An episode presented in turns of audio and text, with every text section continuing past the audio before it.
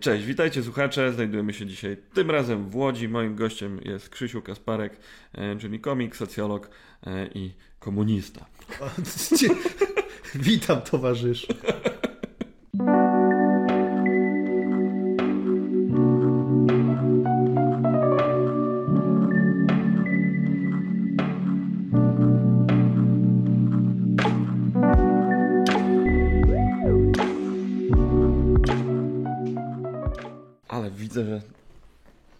Krzesła będą nam hałasować trochę. Tak, tak. No dobra, no. To jest skóra. Tak, tak, tak, tak. To wmówmy naszym słuchaczom.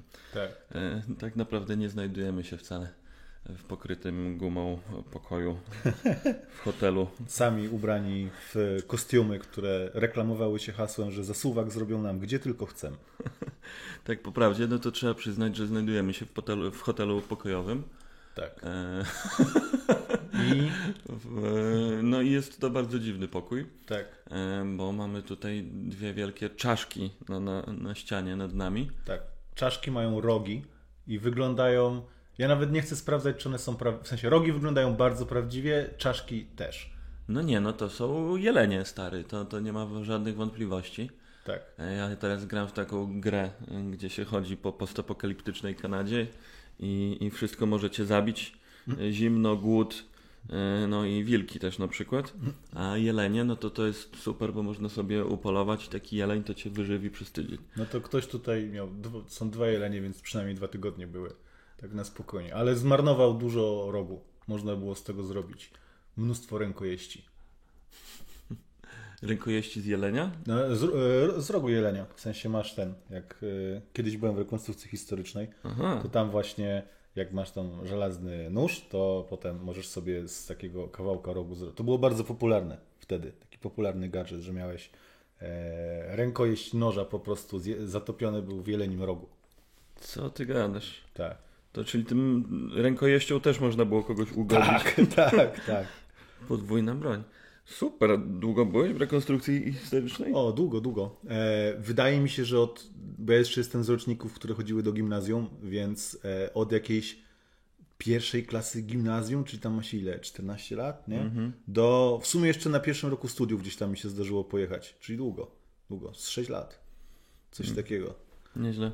To ja w tym momencie y, tę lukę wypełniałem harcerstwem. O, no jest moment w życiu człowieka, gdzie masz ochotę e, wyjechać z domu. tak, tak, tak. tak. Jesteś gotów robić najgłupsze rzeczy, żeby tylko to zrobić bez mamy. Tak. Chociaż, kurczę, ja strasznie miło, bo nie chcę, żeby to tak zabrzmiało, ja strasznie miło wspominam tę rekonstrukcję, tam naprawdę bardzo fajni ludzie byli. E, no, to było, bo tam była cała struktura, bo tam No. na Jurze jest dużo zamków, więc była... A no właśnie, ty masz Jurę. No Jezu, no to faktycznie. Ten... A to prawda, że tak chleją rekonstruktorzy? Bo Jaksa to zawsze opowiada w swoich stand-upach, że to jest bardzo alkusowe środowisko. E, jest, ale jakiekolwiek środowisko hobbystyczne nie powiesz, to jak powiesz, że dużo chleją, to No tak, to prawda, my też jesteśmy pasjonatami komedii. tak, tak, tak.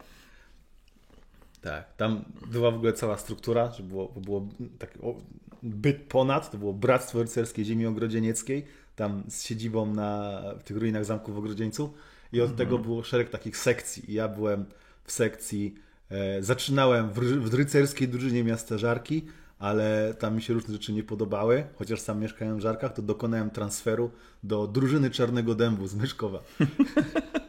I tam... To jest takie śmieszne, bo wy pewnie mieliście ustawki normalnie. E, no, w sensie derby, tak? E, tam na szczęście nie, bo tam takich e, walk, na, że- żeby tak poważnie się bić, jak tam kibole na ustawkach, to raczej nie ma.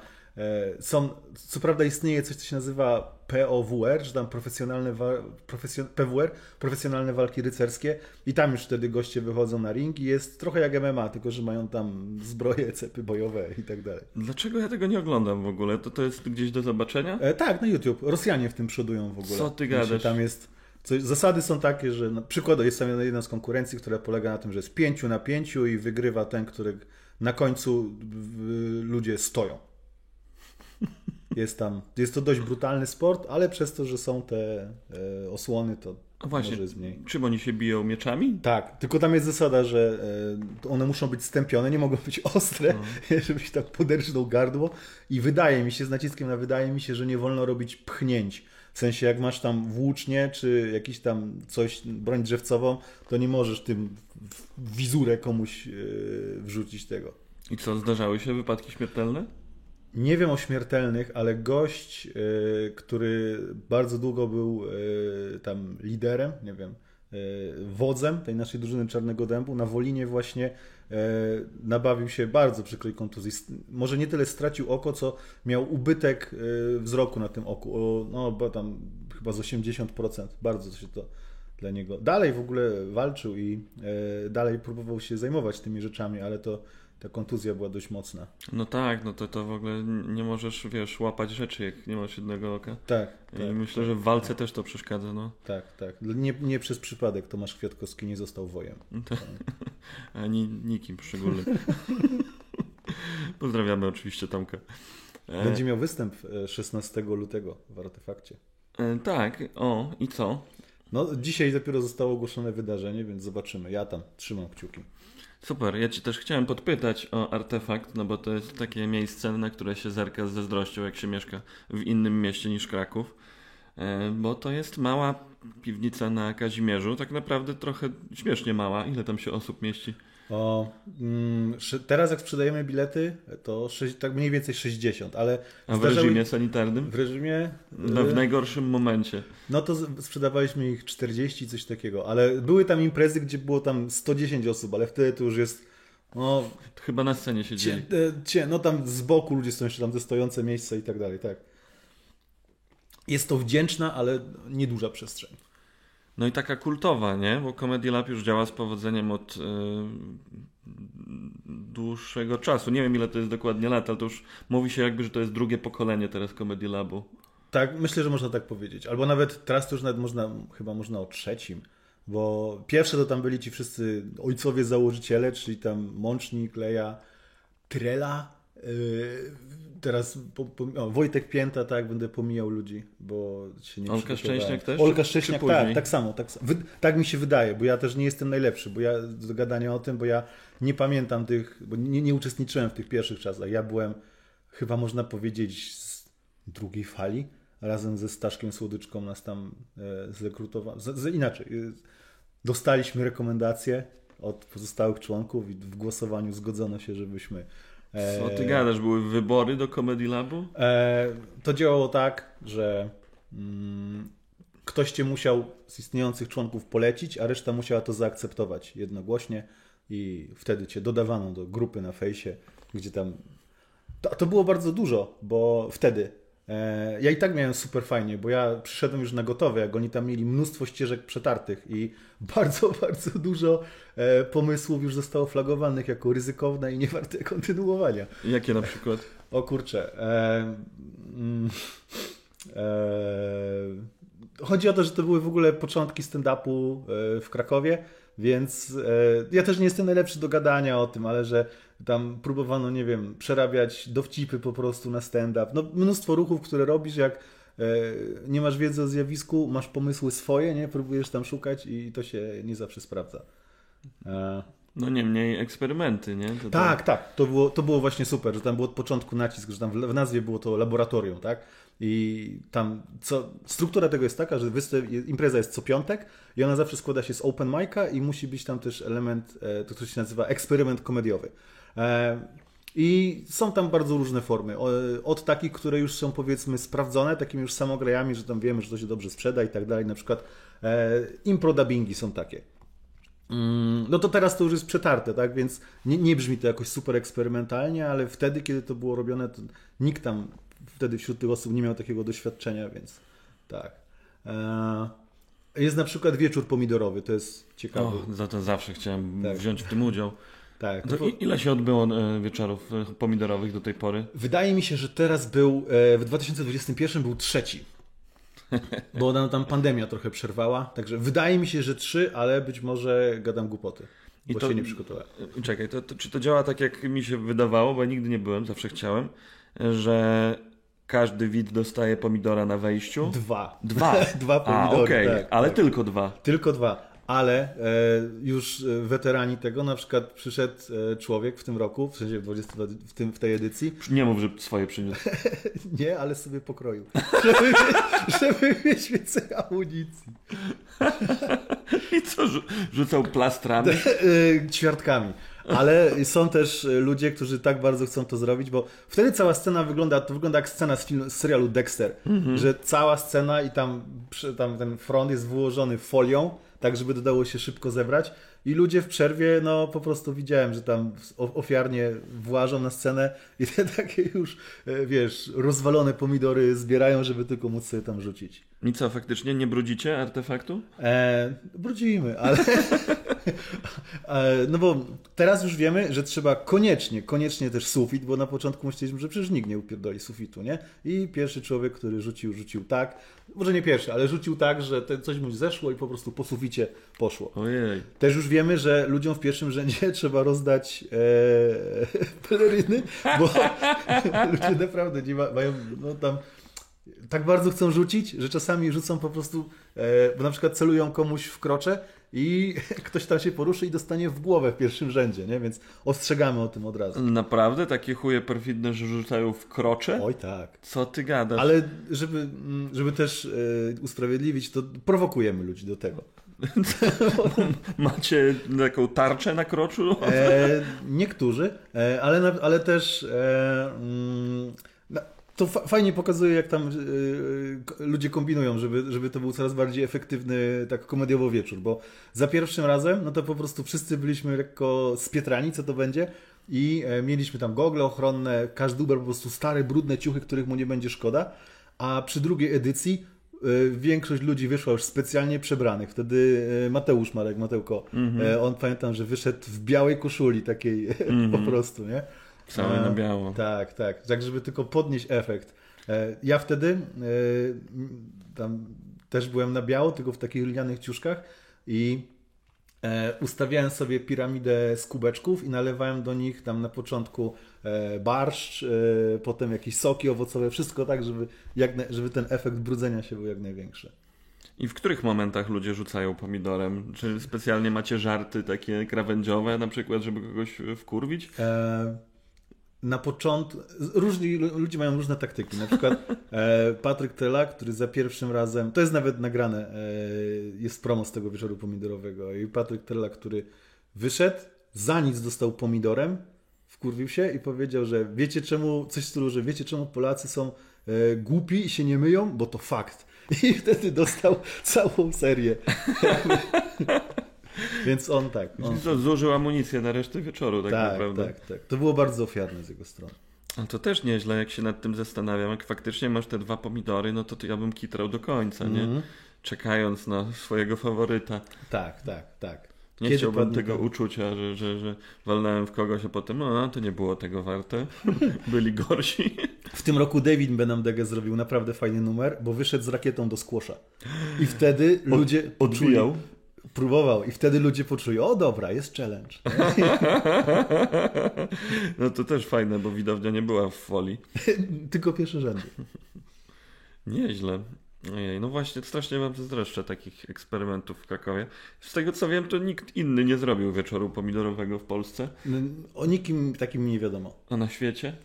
Nie mam pojęcia. Nie, nie sprawdzałem tego też jakoś bardzo. Ale strzelam, że, znaczy, bo są na przykład, jest we Włoszech albo w Hiszpanii jest ta wielka bitwa pomidorowa, tak? Więc mm -hmm. to jest mhm. na takim zasadzie globalnej, ale... No to już jest tradycja, nie? Tak, Więc tak, y, tak, tak. Już tak. się uleżało. Nie, ale to, to jest właśnie bardzo, bardzo ciekawe, że y, u Was to jest możliwe, też chyba dlatego, że jest po prostu dużo zajaranych ludzi, nie? I ile osób zazwyczaj bierze udział w takim wieczorze? Ilu, ilu komików? Mm, staramy się, żeby było, było ich, żeby było co najmniej tam trzech, Mm, czasami jest więcej, no bo raz, że ludzie, to jest też o tyle super, że tam masz przestrzeń, gdzie masz pewność, że sobie możesz materiał przetestować, nie? Mm.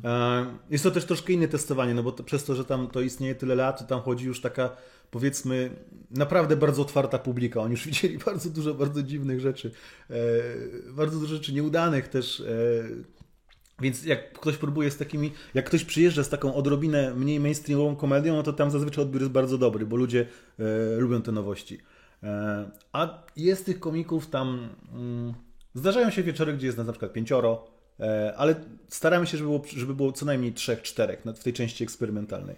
No i to jest fajne właśnie, kurczę, widzisz, czyli trzech już wystarczy, tak, tak jak Pan Jezus powiedział. No. Gdzie trzech lub więcej. Tak. W moim imieniu tam się rodzi pomidor na mordę. E, e, to powiedziała komedia, rzecz jasna. Tak. Jesus C, ale to był Jesus Comedy. To jest inny człowiek. No, w każdym razie to jest, to jest właśnie fajne, bo kurczę, pamiętam właśnie, ja mam takie skojarzenie od razu z, z takimi starymi latami e, kabaretowymi, nie? jak to było faktycznie środowisko i e, jak w różnych miastach były różne sceny kabaretowe i też robili takie eksperymenty ludzie, mm -hmm. nie? E, też właśnie e, były dubbingi, jakieś inne rzeczy i to nie było ani impro, ani kabaret, tylko coś pomiędzy. Tak, tak. Jakieś takie wydarzenia, na które ludzie po prostu przychodzili, nie? W sensie, tak, na pewno. To nie mam słów na to, żeby podkreślić, jak bardzo to jest fajne i ważne, żeby zbudować sobie takie, taką społeczność. A może to dlatego, że mam ogóle słownictwo, ale e, chodzi o to, że to motywuje. Bo mhm. nawet jak tobie się tam powiedzmy mniej chce, no to widzisz, że ludzie cały czas prom do przodu, że mają super pomysły, widzisz, że ludzie mają progres, albo mhm. też widzisz, że czasami mają, nie wiem, upadki, ale dźwigną się, nie? Że tam ktoś przychodził, tam przez miesiąc z rzędu to posysało, delikatnie mówiąc, co robił, ale potem to wyewoluowało w coś naprawdę fajnego. No i też, e, no jak są ludzie, którzy mają tam podobne cele, no to dużo łatwiej się zorganizować w coś, tak? Też y, o tyle super to zaczęło działać od pewnego momentu, że pojawili się ludzie, którzy no już się zrobili dużymi nazwiskami, nie? Czy tam na przykład Leja, e, Wojtek Pięta, Damian Skóra, nie? To są ludzie, którzy już potrafią sprzedać wydarzenia, no i wtedy jest dużo lepsza, dużo większa szansa, że wezmą cię na jakiś tam support, a dla mnie na przykład, jak mnie Leja wziął na swoje supporty do na trasę do Jaksy, tam po wszystkich ełkach świata, e, to dla mnie to był gigantyczny progres, bo mhm. wtedy on też jest zresztą bardzo spoko. W ogóle polecam supportu niego. Dużo, e, e, dużo dobrego, nie zawsze jakiegoś przyjemnego feedbacku, ale bardzo, ba, bardzo dużo mi, mi, to, mi to dało. Mi też się zdarzyło kiedyś supportować Leję, więc wiem o, o czym mówisz, no i jak najbardziej, to jest super sprawa. E, ale też e, myślę, że no taka trasa po Mazurach też. A tak, to jest szkoła życia. Bardzo jest kształcąca. Jak pojechaliśmy do Bartoszyc, gdzie było 16 współwłaścicieli e, wspaniałego lokalu i okazało się, że ci właściciele to są członkowie klubu motocyklowego Wiraż. I tak to się chyba nazywa Wiraż Pub. Tak, więc. A jeszcze pojechaliśmy tam w momencie, gdzie wydaje mi się, że je, już nie chcę mówić nazwisk, żeby nie przekręcić, ale gdzie właśnie taki jeden znany komik w ostatnim evencie e, przed nami przerwał występ, bo tak ludzie byli niemili, przeszkadzali mm -hmm. i tak się nawalili, że... Ja też mam takie wspomnienia z Bartoszyc. E, I jeszcze Ewa Głowacka, nasza wspólna znajoma. A, oczywiście. E, kiedyś prowadziła warsztaty impro w Bartoszycach. I, i... O, mój Boże. Tam, to, tam były naprawdę grube historie, tak. to, to, to, kiedyś ci tak. opowie na pewno. Bartoszyce to jest taki w ogóle przemyśl północy. Tam połowa ludności trudni się przemytem alkoholu, reszta ty wyrobów tytoniowych. To jest... Słyszałem świetną propozycję ostatnio w internecie, co zrobić z Bartoszycami e, i też jak mogą się przysłużyć e, przy widmie nadchodzącej wojny tutaj na Ukrainie, no. E, bo ktoś zaproponował w internecie, żeby oddać ziemię bartoszycką w Lenno ISIS. I wiesz, i pokazać po prostu kierunek na północ. I... Ale wtedy ci ludzie z klubu motocyklu, czyli wszyscy współwłaściciele pubu Wiraż mogliby się zamienić w takich naprawdę post-apo motocyklistów gdzie jeździliby. No, to byłoby ciekawe. Także to, to jest nasz sposób na Rosję. Bartoszyce.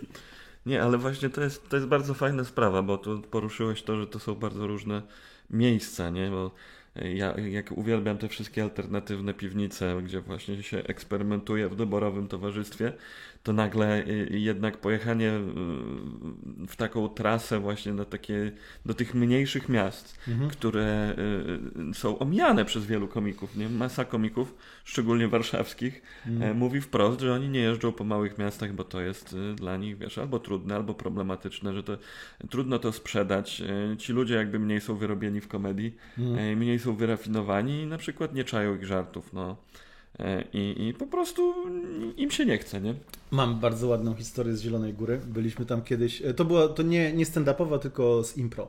E, I była tam ekipa z Warszawy, która grała w Zielonej Górze i pamiętam, że użyli na scenie takiego, to była rozmowa, scena dotyczyła rozmowy rekrutacyjnej i użyli tam takiego żartu jak czy, że tam osoba, która się rekrutowała cały czas się dopyty, tam dopytywała się, czy będzie, ale 3000 netto będzie co bardzo śmieszyło e, jakby ekipę warszawską, ale w Zielonej Górze absolutnie nie było zabawne. Ludzie myśleli, że to jest w sensie spokofucha tak naprawdę. No tak. Także są, rzeczywiście są te takie subtelne różnice.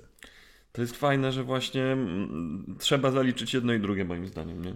Trzeba być i w małych piwnicach, i w małych miejscowościach, mm. w niedogrzanych lokalach.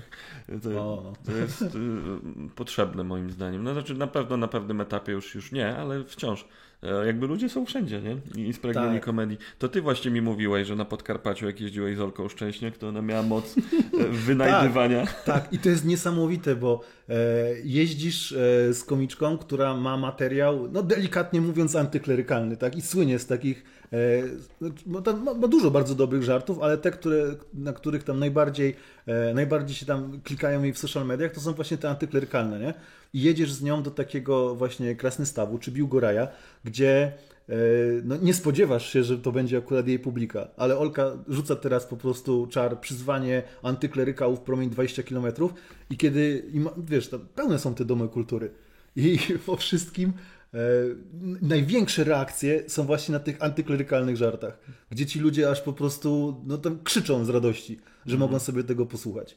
I nie, nie wszyscy są jakby tam, powiedzmy, że na przykład w Biłgoraju, no to mniej więcej połowa sali to nie byli ludzie z Biłgoraja, tylko ludzie ze wszystkich ościennych miejscowości, którzy mają w końcu okazję, żeby usłyszeć kogoś, kto myśli podobnie. Tak, zasysała ich po prostu. Mhm, tak, bo zazwyczaj są jakby, otaczają, otaczają ich ludzie, którzy myślą zupełnie inaczej, nie? I taka Olka jest dla nich niesamowitą okazją, żeby sobie w końcu pokrzyczeć i pośmiać się z rzeczy, które, w które wierzą, nie? Mhm. To jest moim zdaniem bardzo fajna robota. Bardzo ciekawe. E, no i co? E, jak ty tak jeździsz, ale też masz dostęp do, do, do Krakowa, e, to po co dla ciebie jest komedia? Gdzie byś chciał najchętniej występować? O kurczę. To mi się mocno zmienia, bo jak zaczynałem, w ogóle wstyd teraz o tym gadać, ale to ja wiesz, wtedy oglądałem sobie Stewarta Lee i myślałem, że dobra, będę robił taką właśnie inteligencką komedię, gdzie będę przekazywał bardzo ważne lewackie wartości pod płaszczykiem tam żartu, tak że ludzie będą, że będę miał taką właśnie inteligencką widownię, że będę tego rodzaju komikiem. Mm -hmm. e, no i oczywiście... Dla wszystkich trzech osób, które to oglądają. tak, tak, tak, tak. Ale inaczej, da się też tak w Polsce robić, mm -hmm. nie? Bo mhm. na przykład, e, no nie wiem, dla mnie przykładem takiego bezkompromisowego grania jest Fiedorczuk, nie? który e, w swoim stylu jakby potrafi przekonać do siebie ludzi też w, mniejszy, w mniejszych, na mniejszych graniach, czy na jakichś takich plenerach, gdzie powiedzmy przychodzi tam nie, nie stricte jego publika. Nie? Mhm. Więc da się tak. Ale ja wtedy zapatrzony w tego Stewarta Lee myślałem, że e, jakby pominąłem bardzo istotny fakt, że Stewart Lee dochodził do tego naście lat mm. żeby tak się dało. I on jakby zaczynał właśnie od, między innymi od tego, że jeździł jako support stand-upowy kapeli punkowej, na koncercie punkowym. Nie? Wow, tak. to, to musiało być wydarzenie. Tak, więc moim zdaniem, jak potrafisz zmusić do słuchania i do reagowania publiczność na koncercie punkowym, no to to są skille, które, poma- które pomogły mu. Jakby, jeżeli kogoś takiego weźmiesz za mordę i, i potrafisz, y, tym, y, potrafisz tym zarządzać, no to później już jest ci łatwiej generalnie. Ty wiesz, że ja teraz będę y, jeździł na saporcie kapeli? A, yy, pewnie jakiejś bardzo punkowej. Nie, bardzo niepankowej. yy, sekcja muzyczna kołątajowskiej kuźni prawdziwych mężczyzn. Oczywiście, rzecz jasna. tak, tak. O Jezus Maria, to, to, to ja już miałem z nimi trasę i e, jest to bardzo ciekawe granie przed kapelą, mm. bo no przede wszystkim ludzie stoją, to jest, to, to jest drobna różnica, jakby stand-up się rozwija też na widowni tak. i nie zawsze to jest spoko, nie, tam było parę wypadków w poprzedniej trasie, że ludzie przyszli i nie byli świadomi, bo tam nie doczytali, że, że miejsca są stojące i wychodzili w kurwieni po prostu No ja też nie mogę się rozgadywać, nie? Mam, mam pół godziny Mhm. i to absolutnie nie powinienem tego przedłużać, Tak. e, raczej skracać.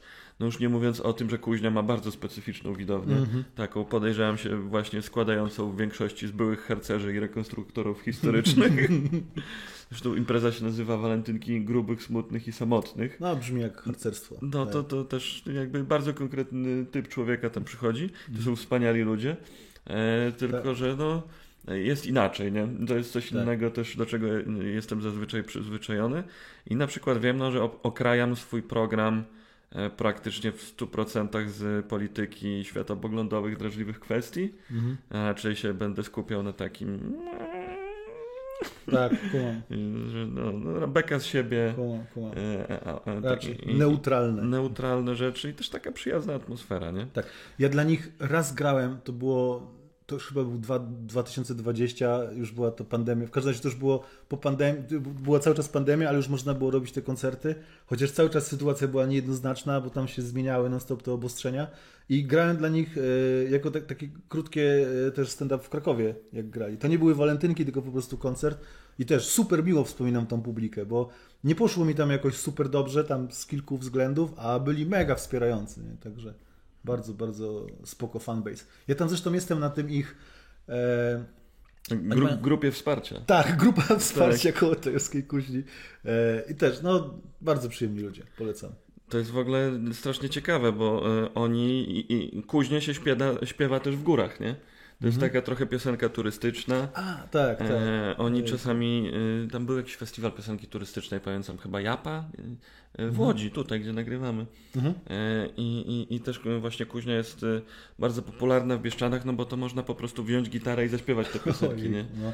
I, i e, nawet kiedyś byliśmy z Kasią, w, zdaje się, to była nasza chyba podróż poślubna Mhm. i byliśmy w Bieszczadach i akurat grała kuźnia w bazie harcerskiej, nie? O, Więc no kurczę, no idealnie, nie? I autentycznie widzieliśmy, jak grają dla setek harcerzy e, i jeszcze, jeszcze bardziej okrajali swoje kawałki, żeby tam, wiesz, nie było cienia przekleństwa, nie? Żeby tam Mhm. nie było nic, ale nic to nie pomogło, bo wszyscy ci harcerzy znali na pamięć ich teksty i jak była kurwa, to była kurwa i pan harcmistrz mógł się w dupę pocałować. To brzmi jak refren jakiejś takiej punkowej, harcerskiej piosenki. No. Że I wtedy harcmistrz pocałował. E, ale ty, podobna jest impreza też chyba Slotart, nie? Tam grałeś chyba zresztą. Tak, to we Wrocławiu. Mhm. E, znaczy pod Wrocławiem. To jest w starym opactwie. Jest Mhm. taki stary budynek e, e, i on jest taki trochę walący się, niemniej no, wszystkie te krużganki są udostępnione i tam są jakieś warsztaty, no i Mhm. przede wszystkim stoiska, gdzie można właśnie e, kupić jakieś rzeczy, zapisać się i na, nauczyć się na przykład, nie wiem, grać na bębnach czy coś. Mhm. E, no i też mieli stoisko stand-upowe kiedyś właśnie, takie, takie Można było kupić. można żarty. było kupić żarty, tak, po cenach wolnorynkowych. Nie, to są strasznie fajne miejsca i kurczę, też mam wrażenie, że nie ma ich jakoś w publicznej świadomości, nie? E, że trzeba, trzeba, trzeba śledzić, albo samemu sobie załatwić. Zresztą Kuzina też grała na moim weselu. O, o kurde. No, to było bardzo, Nice. bardzo fajne doświadczenie. E, No w zasadzie, wiesz, my te, takich zaprosiliśmy i mówiliśmy, że coś tam mogą też zagrać jak chcą, ale nie sądziliśmy, że oni naprawdę profesjonalnie przyjechali, wszystko rozstawili i zrobili, kurwa, to wesele, nie? Potem się jeszcze bardziej zdziwiliście, jak wam wystawili rachunek. Ale... No właśnie nie, bo są spoko gośćmi. Więc teraz też.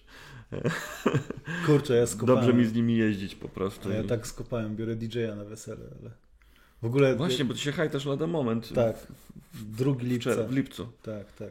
I rozmawiałem, rozm- jesteśmy już tam po, większość rzeczy jest poogarnianych, ale rozmawialiśmy z DJ-em i był bardzo ciekawy, bo tak nas sądował troszkę, bo widać było, że nie chciał się ujawniać ze swoimi preferencjami, jeśli chodzi o to, co lubi. Mhm. Bo tak e, mówił, że tam to może. A jakie jest Państwa zdanie w kwestii tam muzyki e, disco polo? Nie? To jest ważne pytanie. Tak, tak. Albo mówił, że może zaoferować, e, jeśli mamy ochotę, to ma bardzo wiele gier integracyjnych i wspomniał nazwę ludzkie Tetris. Więc chociaż nie, nie, nie znaliśmy tego z Kasią, to poprosiliśmy, żeby może, że jeżeli ludzkie Tetris, to może nie. Nie chcieliście wziąć do grupy impro? ludzkie Tetris. To by była super rozgrzewka w ogóle. No, w sam raz, że tam dopasowujesz się kształtem do człowieka obok. Ojej. Mam wrażenie, że jakbyśmy mieli na razie podsumować to, o czym rozmawiamy, to użyłbym słowa indie po Tak, prostu. tak, tak, tak. Ty jesteś fanem w ogóle tego pojęcia? Indie, a nie do, w sensie ono jest teraz tak często używane w tak wielu kontekstach, że mi się już wydaje, że ja, tego, że ja nie wiem, co to jest to indie. Tak samo dopiero niedawno ogarnąłem słowo boho. A co to jest boho? Boho jest wtedy, jak jest. e, To, czekaj, to Kasia mi to tłumaczyła. Boho jest wtedy, jeżeli jest tak. E, Taka troszkę taka wiejska sielanka, e, ale to nie jest takie, że są tam chusty w kwiaty i jakieś tam etnografia mazurska, tylko że są tam łapacze snów, e, Okej. jakieś takie. Takie powie- amerykańskie tak, ek, ekle, takie bardzo popowe rozumienie wsi i wiejskich klimatów, coś w tym Okej. stylu. Taki i- chill. Taki Instagram friendly. O, tak, tak, A, tak. a nie Wieś z właśnie... Instagrama, tak, to coś w tym stylu. Że Miałem masz tam... od razu Podlasie przed oczami, to, to nie jest instagramowy widok po prostu. Kiedyś Tak. przypomniało mi się od razu, kiedyś byłem na spływie kajakowym z ojcem i e, to była narew i w pewnym momencie wypływamy za zakola rzeki i krowa stoi w wodzie i sra do wody. I to nie Ganges, proszę Państwa, Nie, nie. to narew. To bardzo, bardzo podlaskie doświadczenie. No to to było bardzo boho. E, tam e, miejsce, gdzie będziemy mieli wesele też jest takie właśnie, właścicielka jest taka bardzo boho, bo e, może nie będę podawał, ale bo może przysłucha i dostaniemy zniżkę, a może podam. Podaj, bo fajna nazwa była. Tak, tak, to jest dwór failów. Ale dla mnie to jest super optymistyczne, bo to są, to są fail. To nie jest jeden fail, tylko failów. Tak, jak- Więc jest wiele szans No, kolejnych. albo po prostu na tyle failów się całe życie składam. Tak, tak, tak. Fail Army jest. tak. Ojej. No niemniej i powiem Ci, że ja jestem w sumie fanem indie, e, chociaż nie, nie, nie byłem tego świadomy, bo teraz były te podsumowania Spotify'a. Mhm. No i Spotify mi po prostu powiedział, przyklepał, tak, jesteś fanem indie, spierdalaj. Ja sobie doklejam w zasadzie po prostu kawałki, które mi się podobają. Nie sądziłem, że to jest jakiś gatunek muzyczny, a teraz okej. Jestem y, zaszufladkowany właśnie już y, w tym, że nie chciałem dać cię zaszufladkować. no. To najmądrzejszą rzeczą, jaką sobie zrobiłem ostatnio ze Spotify'em, to e, da się to połączyć z Shazamem.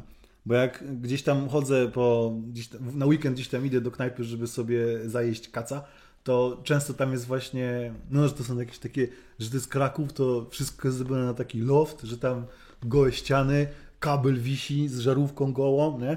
I do tego jest bardzo fajna muza. I udało mi się zrobić tak, że Shazam e, po prostu od razu, jak tylko sczytam sobie muzę, to wrzucę mi to na playlistę ze Spotify'a.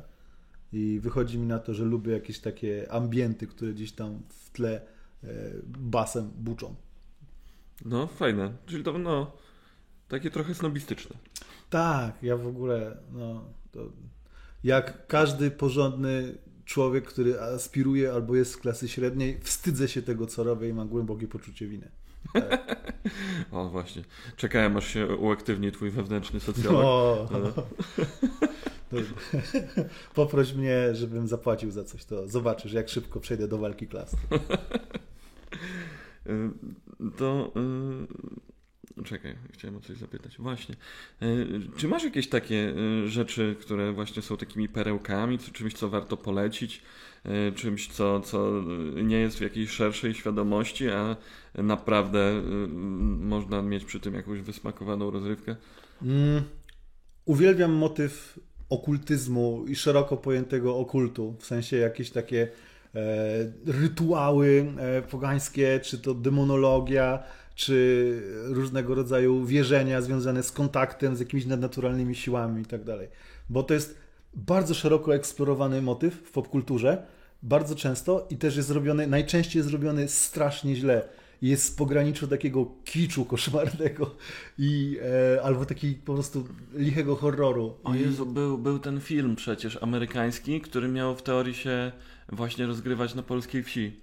A, tak! E, jak to się nazywało? Nie, nie osada, Coś tylko- takiego.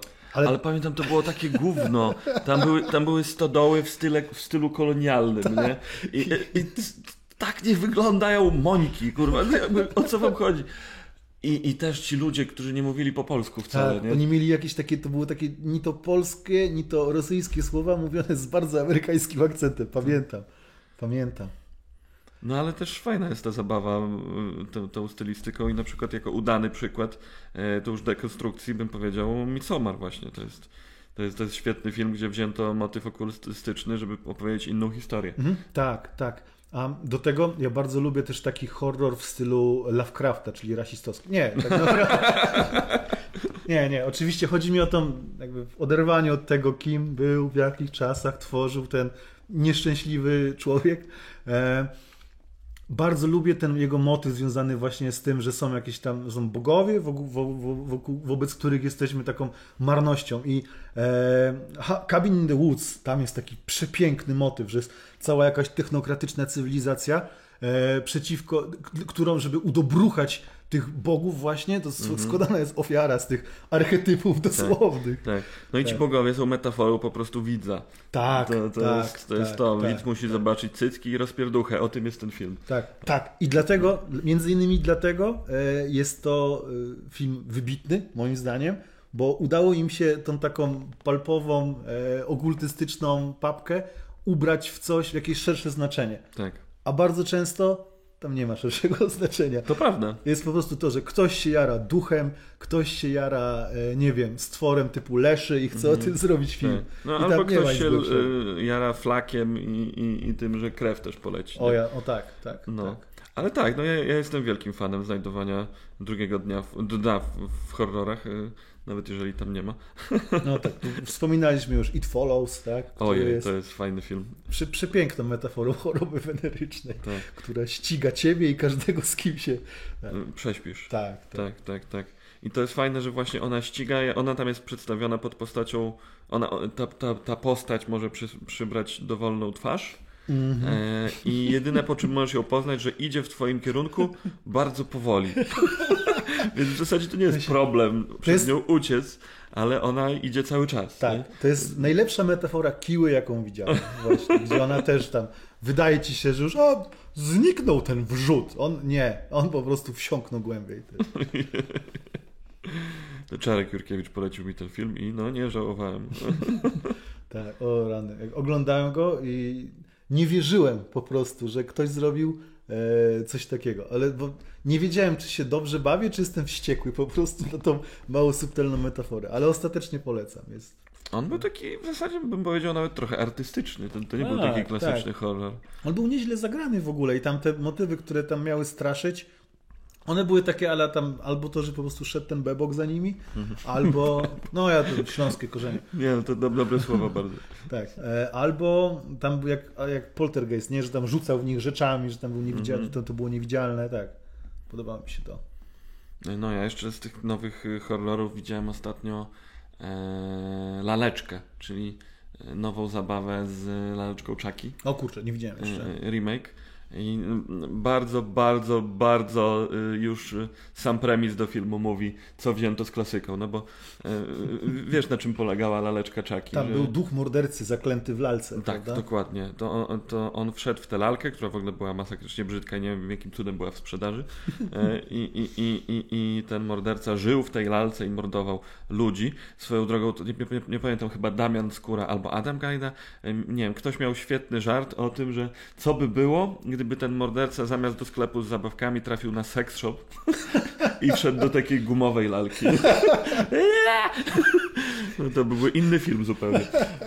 E, natomiast to, co robią teraz w kontynuacji, to to, o Jezu, film się zaczyna tak, że już nikt nie robi takich lalek, mhm. ale są inteligentne lalki, asystent do domu, lalka, która ci włączy telewizor, ulula dziecko. Mhm. E, wiesz, jest też przy okazji tą kamerą, przez którą możesz słuchać, o, okay. czy dziecko śpi e, i ma dostęp do wszystkich instalacji w domu. Mhm. Więc już wiesz, już w tę stronę idziemy. Tak. Technologia, jakim ona jest zagrożeniem. No. I nie ma żadnego mordercy, mhm. który wchodzi w, w lalkę, duch. To już nie są te czasy. Mhm i film się zaczyna, proszę ciebie, w Wietnamie. gdzie po prostu jeden z pracowników fabryki wielkiej korporacji jest ciśnięty masakrycznie przez swojego szefa, mhm. który go poniża tam publicznie przy wszystkich i koleś już wariuje, więc po prostu przeprogramowuje tę lalkę, mhm. żeby była e, niekompatybilna i jak najbardziej szkodziła mhm. i tam dodatkowo je chyba podłącza w ten sposób, cofając jakieś protokoły, włącza je większą ilość sztucznej inteligencji. Nie? Tak, ciekawe. Po czym koleś popełnia samobójstwo, a ta, le, ta lalka leci sobie do Stanów. Tak, nie? bo jednak mimo tego, że jest technologia, to musi być to mroczny origin story, gdzie tam tak. w tle jest śmierć. Ale to jest w ogóle super aktualne tak naprawdę, bo przecież teraz była ta e, z Alexą jest ta sprawa, gdzie e, jak, nie pamiętam, wydaje mi się, że jakaś nieletnia dziewczynka poprosiła e, Aleksę tam challenge me mhm. i Alexa podała challenge, żeby włożyć niepeł, w niepełny sposób ładowarkę i przyłożyć monetę do tych dwóch e, bolców e, w gniazdku. Aleksa też ma czasami takie żarty, że właśnie, że e, Aleksa powiedz żart, a, zginiecie ludzie. tak, tak. No.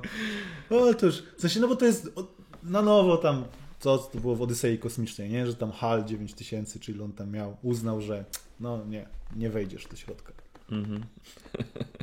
No, tylko ja to bardzo lubię, tylko właśnie mam trochę mi jest smutno że, i boję się, że przez to te motywy właśnie z duchami, demonami, diabłami na jakimś tam bagnisku, czy przywołaniem jakiejś tam istoty, że mi odejdą, bo e, że, że przestaną już być adekwatną metaforą do tego wyrazu. No myślę, że wrócą, tylko mocniejsze. Pewnie tak, że tam będzie elektroleszy. Elektroleszy. Nie, bo cały czas patrzę na tą czachę z rogami i ona jest podobna do tego, co tam w Wiedźminie było no. jako leszy. O, ja też widziałem, że na przykład też taka rzecz związana z science fiction jak cyberpunk mhm. jakby nabiera już bardziej swojskiej wersji, bo widziałem, że powstaje lub powstała już gra Cyberpunk. Ale to, kurczę, y, jest, y, polecam wpisać sobie Łagisza Punk. I dochodzi o to, że jest elektrownia Łagisza, w tle jedzie chłop furmanką, tylko zamiast kół są takie y, jak w tych Hoover Cars. że, się to że ta furmana się unosi. Łagisza tak. Punk.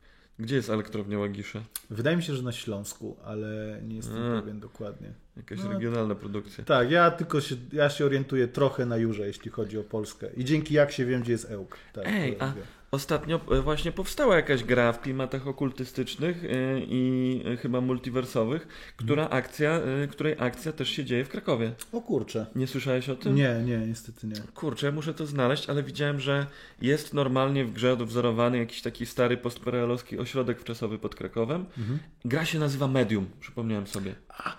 O kurczę, to może być nawiązanie do naprawdę bardzo fajnego horroru polskiego, który dzieje się w czasach międzywojnia i tam jest taki, tam w ogóle sztur gra. E, I to jest, jak często ludzie, tam na przykład u Zalewa słyszałem w podcaście, jak tam mówi, że e, nie ma dobrych polskich horrorów. Są, jest ich bardzo mało, e, ale na przykład Medium jest, może to nie jest jakiś wybitny film, ale jest niezłym polskim horrorem. Okej. Okay. Jest... Tam jest właśnie motyw tego spirytyzmu i tak dalej. No ja mam problem z pokazaniem dobrych polskich horrorów. Poza oczywiście w lesie dziś nie zaśnie nikt dwa. tak? dwa. tak, to jest bardzo ważne. To jest tego tak. typu dobry horror. Tak, tak, tak samo jak Martwe Zło 2. To o, jest, kurczę, jakby, tak. Chociaż ostatnio odświeżałem sobie jedynkę i, i doceniam ją dużo bardziej po latach. Tak, to drugi dobry horror polski, który mogę polecić. On jest bardzo kampowy i jest bardzo groteskowy. Nazywa się Bestia. I to był człowiek Walerian Borowczyk polski reżyser tworzył we Francji głównie i tak dalej. I w Bestii jest. E, nie jestem pewien, czy to jest pierwsza, coś w rodzaju zoofilii pokazanego na ekranie, bo jest tam tytułowa bestia, która jest bardzo mocno seksualizowana, która goni taką. Jest bardzo długa scena pościgu, w tle jest koncert klawesynowy w ogóle. I tam pani ucieka przed bestią, która ma wobec niej bardzo seksualne zamiary i występuje tam pewien bardzo interesujący twist, więc Walerian Borowczyk, Bestia to jest tylko warte zauważenia polskie horrory. Okej, okay, to trzeba obczaić. W ogóle mam wrażenie, że Polacy nie lubią kręcić horrorów, bo zamiast tego kręcą dramaty. Mm-hmm. Jakby mamy horrory w realnym życiu, nie? Tak. Nasza to, historia w ogóle. nie musisz dostraszniać. Dokładnie. Wystarczy, że z dziadkiem porozmawiać. No kurde, zobacz na wszystkie filmy Smarzowskiego. Spójrz na, na film na przykład Jestem mordercą, który mógłby być klasyfikowany jako horror. O nie? tak, tak, tak. No, o, a propos, e, jeszcze, przepraszam, że tak się wpierdalam, ale jeszcze jeden bardzo dobry polski horror, Dybuk Marcina Wrony. Nie widziałem jest absolutnie, w sensie, wydaje mi się, że on się nazywa Book, ale jest tam bardzo fajne ożenienie właśnie tego współczesnej Polski z taką tradycją i folklorem żydowskim. I to jest bardzo, bardzo dobre. Sorry, to się nazywa demon chyba, nie demon. Ja mówię dybuk, dlatego że tam bardzo ważnym elementem jest to, że to jest właśnie żydowski dybuk, ten, e, tam ta siła taka, mhm. ten duch, który przy, przychodzi, ale jest, o kurczę, to jest, jest przepięknie zagrany i jest naprawdę, mhm. e, można się tam wystraszyć. Jakubik tam gra w ogóle, tam bardzo dobra obsada. O stary, mam dla ciebie gratkę, jeśli y, chodzi o socjologię mhm. Y, i seriale, y, bo znalazłem ostatnio wspaniałe, wspaniałą rzecz na HBO Go. Mhm. Serial się nazywa Beforeigners, czyli w, w, polskim tłumaczeniu przybysze, ale nie uważam go za adekwatne. My z żoną nazywamy ten serial Przebysze. Przebysze? Tak, i już ci tłumaczę o co chodzi. Bo ten, ten serial też ma najlepszy premis na świecie. Yy, to jest serial, serial norweski mhm. i akcja zaczyna się yy, tam yy, w Oslo bodajże. Oslo to nie jest Szwecja, prawda? Nie? Oslo to Norwegia. Norwegia wydaje Dobrze, mi się. Ale... Może. Ale tak jak mówię, ja... Nie, ale to jest Oslo. Jurę. Tak. Oni, oni mówią, że, że to jest Oslo, więc właśnie, no dobra, to jest Oslo. Mhm. No więc wiadomo, metropolia, tam nad zatoką miasto bardzo ładne, skandynawskie, no, no mhm. to mówi samo za siebie. I facet kupuje e, mieszkanie w centrum miasta, bo chce tam zamieszkać z rodziną, z żoną i córką. I podpisuje umowę właśnie, że, że e, oni to mieszkanie kupują i, i ręka mu tak się zadrżała. Mhm. I agentka nieruchomości mówi, proszę się nie martwić, to jest mieszkanie w centrum Oslo, to jest wspaniała inwestycja, zawsze może pan to sprzedać. Mhm. No okej, okay. no i podpisuje. I wtedy otwierają się portale czasowe w całej Norwegii. I Norwegia zostaje zalana emigrantami z przeszłości. Z przeszłości? Tak, to są emigranci, ale nie są z innych krajów, są z Norwegii, tylko z przeszłości. Czy co, wikingowie? Z trzech epok. Z, XIX wieku, z czasów wikingów, około tam tysięcznego roku e, i z czasów jaskiniowców. O kurde. I ci ludzie, tak, nie znają języka. Znaczy w różnym stopniu, w zależności od tego, z jakiej są epoki. Nie znają tam pisma. Nie, nie znają nie pisma, nie znają, mają swoje pismo. A, okej. Okay. Nie, e, nie, znają obyczajów przede wszystkim, nie znają technologii, nic kurwa nie znają i koczują w centrach miast, tak jak bezdomni, gdzie jest najwięcej jedzenia i wiesz, tam hodują, kurde, kury, tylko, kozy. Tylko i... masz wtedy bezdomnych, którzy wierzą, że jak zginą w walce, to pójdą do Walhali. To jest tak, zupełnie, to... to jest problem bezdomności na zupełnie nowym levelu. To jest, wiesz, no inna kultura, religia, wszystko. Tak. I, I te centra miast zamieniają się w getta. I potem jest po, jest po prostu trzy lata później, koleś jest już po rozwodzie, mieszka w centrum getta, naokoło. Fawela Walhalla. Tak. I właśnie tam jest tyle wspaniałych takich y, krótkich scen. Ja uwielbiam jak świat gra w serialu, nie? Mhm. Bardziej niż fabuła. Że właśnie dostrzegasz, y, każda czołówka jest, y, polega na tym, że właśnie ta główna postać jedzie autem y, z mieszkania do pracy i widzi na to, co się dzieje, patrzy na to, co się dzieje na ulicach. Mhm. I za każdym razem tam jest jakaś inna rzecz, nie? że tutaj właśnie e, idzie jakaś piękna pani w sukni z XIX wieku, e, tutaj ktoś wyprowadza świnie na spacer na takiej bardzo nowoczesnej smyczy. Nie? E, jedną z moich ulubionych postaci w całym serialu jest Tore Und, który był wspaniałym wodzem wikingów, bardzo dumnym, mhm. a teraz pracuje na Uber Eatsie. I, I, to jest, to jest, o Jezu. I jeszcze y, teraz pojawił się drugi sezon i jestem pod wielkim, wielkim wrażeniem tego, że e, w drugim sezonie z buta wjechało chrześcijaństwo, A, okay. które ma zupełnie inny wydźwięk i inne znaczenie. A, bo to jest chrześcijaństwo z epoki... Tak, o kurde, to jest tak. chrześcijaństwo sprzed tysiąca lat, nie?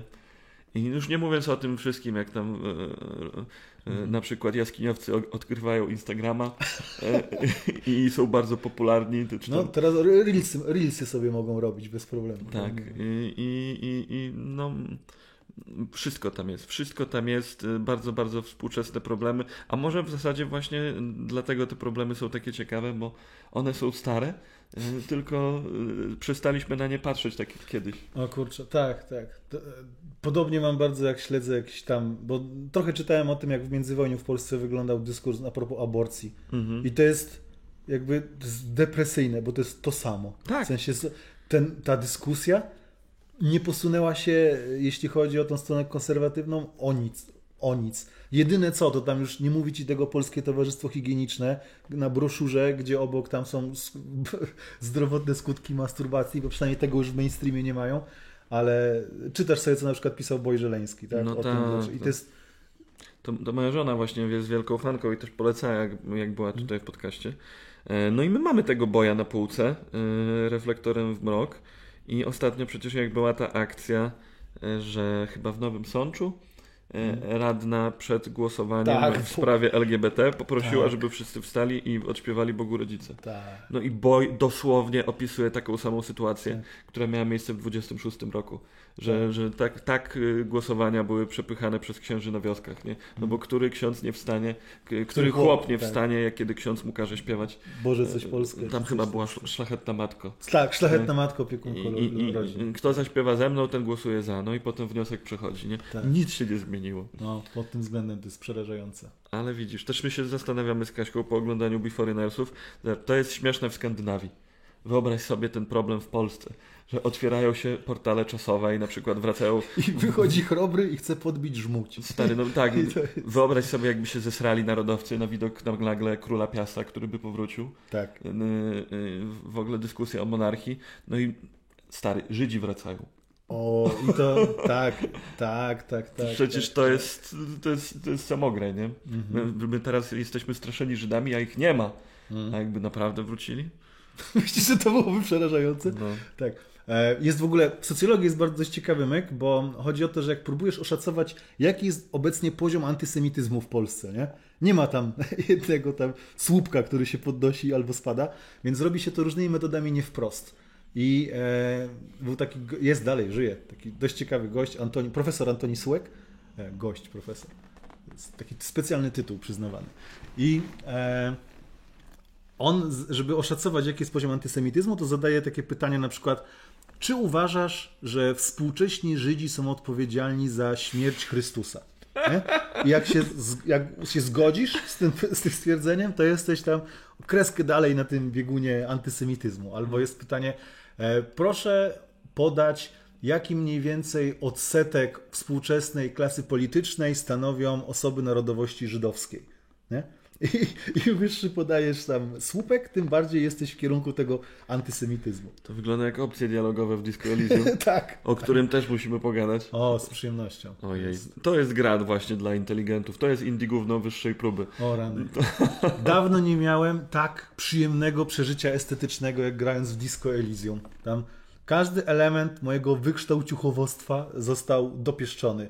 Łącznie z tym, że tam możesz sobie oczywiście być tam komunistą, socjalistą i y, ostatnim levelem w tajemnicy. Dobra, może, możemy tak spoilerować? Wiesz co, może zacznijmy od początku. Dobra, okej. Okay, okay. No, czym jest Disco Elysium? To jest produkcja, y, y, gra, to jest gra no, taka, no point and click w zasadzie. Mhm.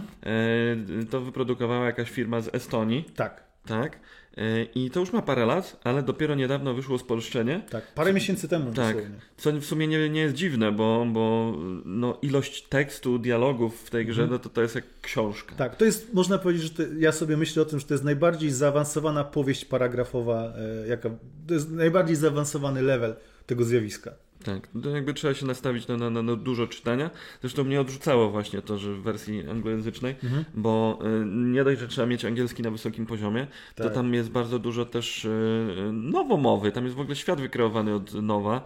Y, akcja gry toczy się w alternatywnym świecie, tam jakby historia potoczyła się zupełnie inaczej mhm. i trzeba też badać to, o, tak, co chodzi Jest to bardzo świecie. ważny element tego, tak. Ten świat ma swoją fizykę też, mhm. inną technologię. E, ale no jest podobny, jest taki kurde trochę postkomunistyczny. Tak, gadałem z gościem, który w ogóle, bo oni outsourcowali dużo pracy i między innymi do polskich studiów, tam gdzie byli, byli nasi programiści mhm. i e, nasi, polscy, z klawiaturą ASCII, a nie. E, I gadałem z, e, z, z chłopakiem, który e, był tam jeden z tych programistów i tam programował questy i konkretne menu.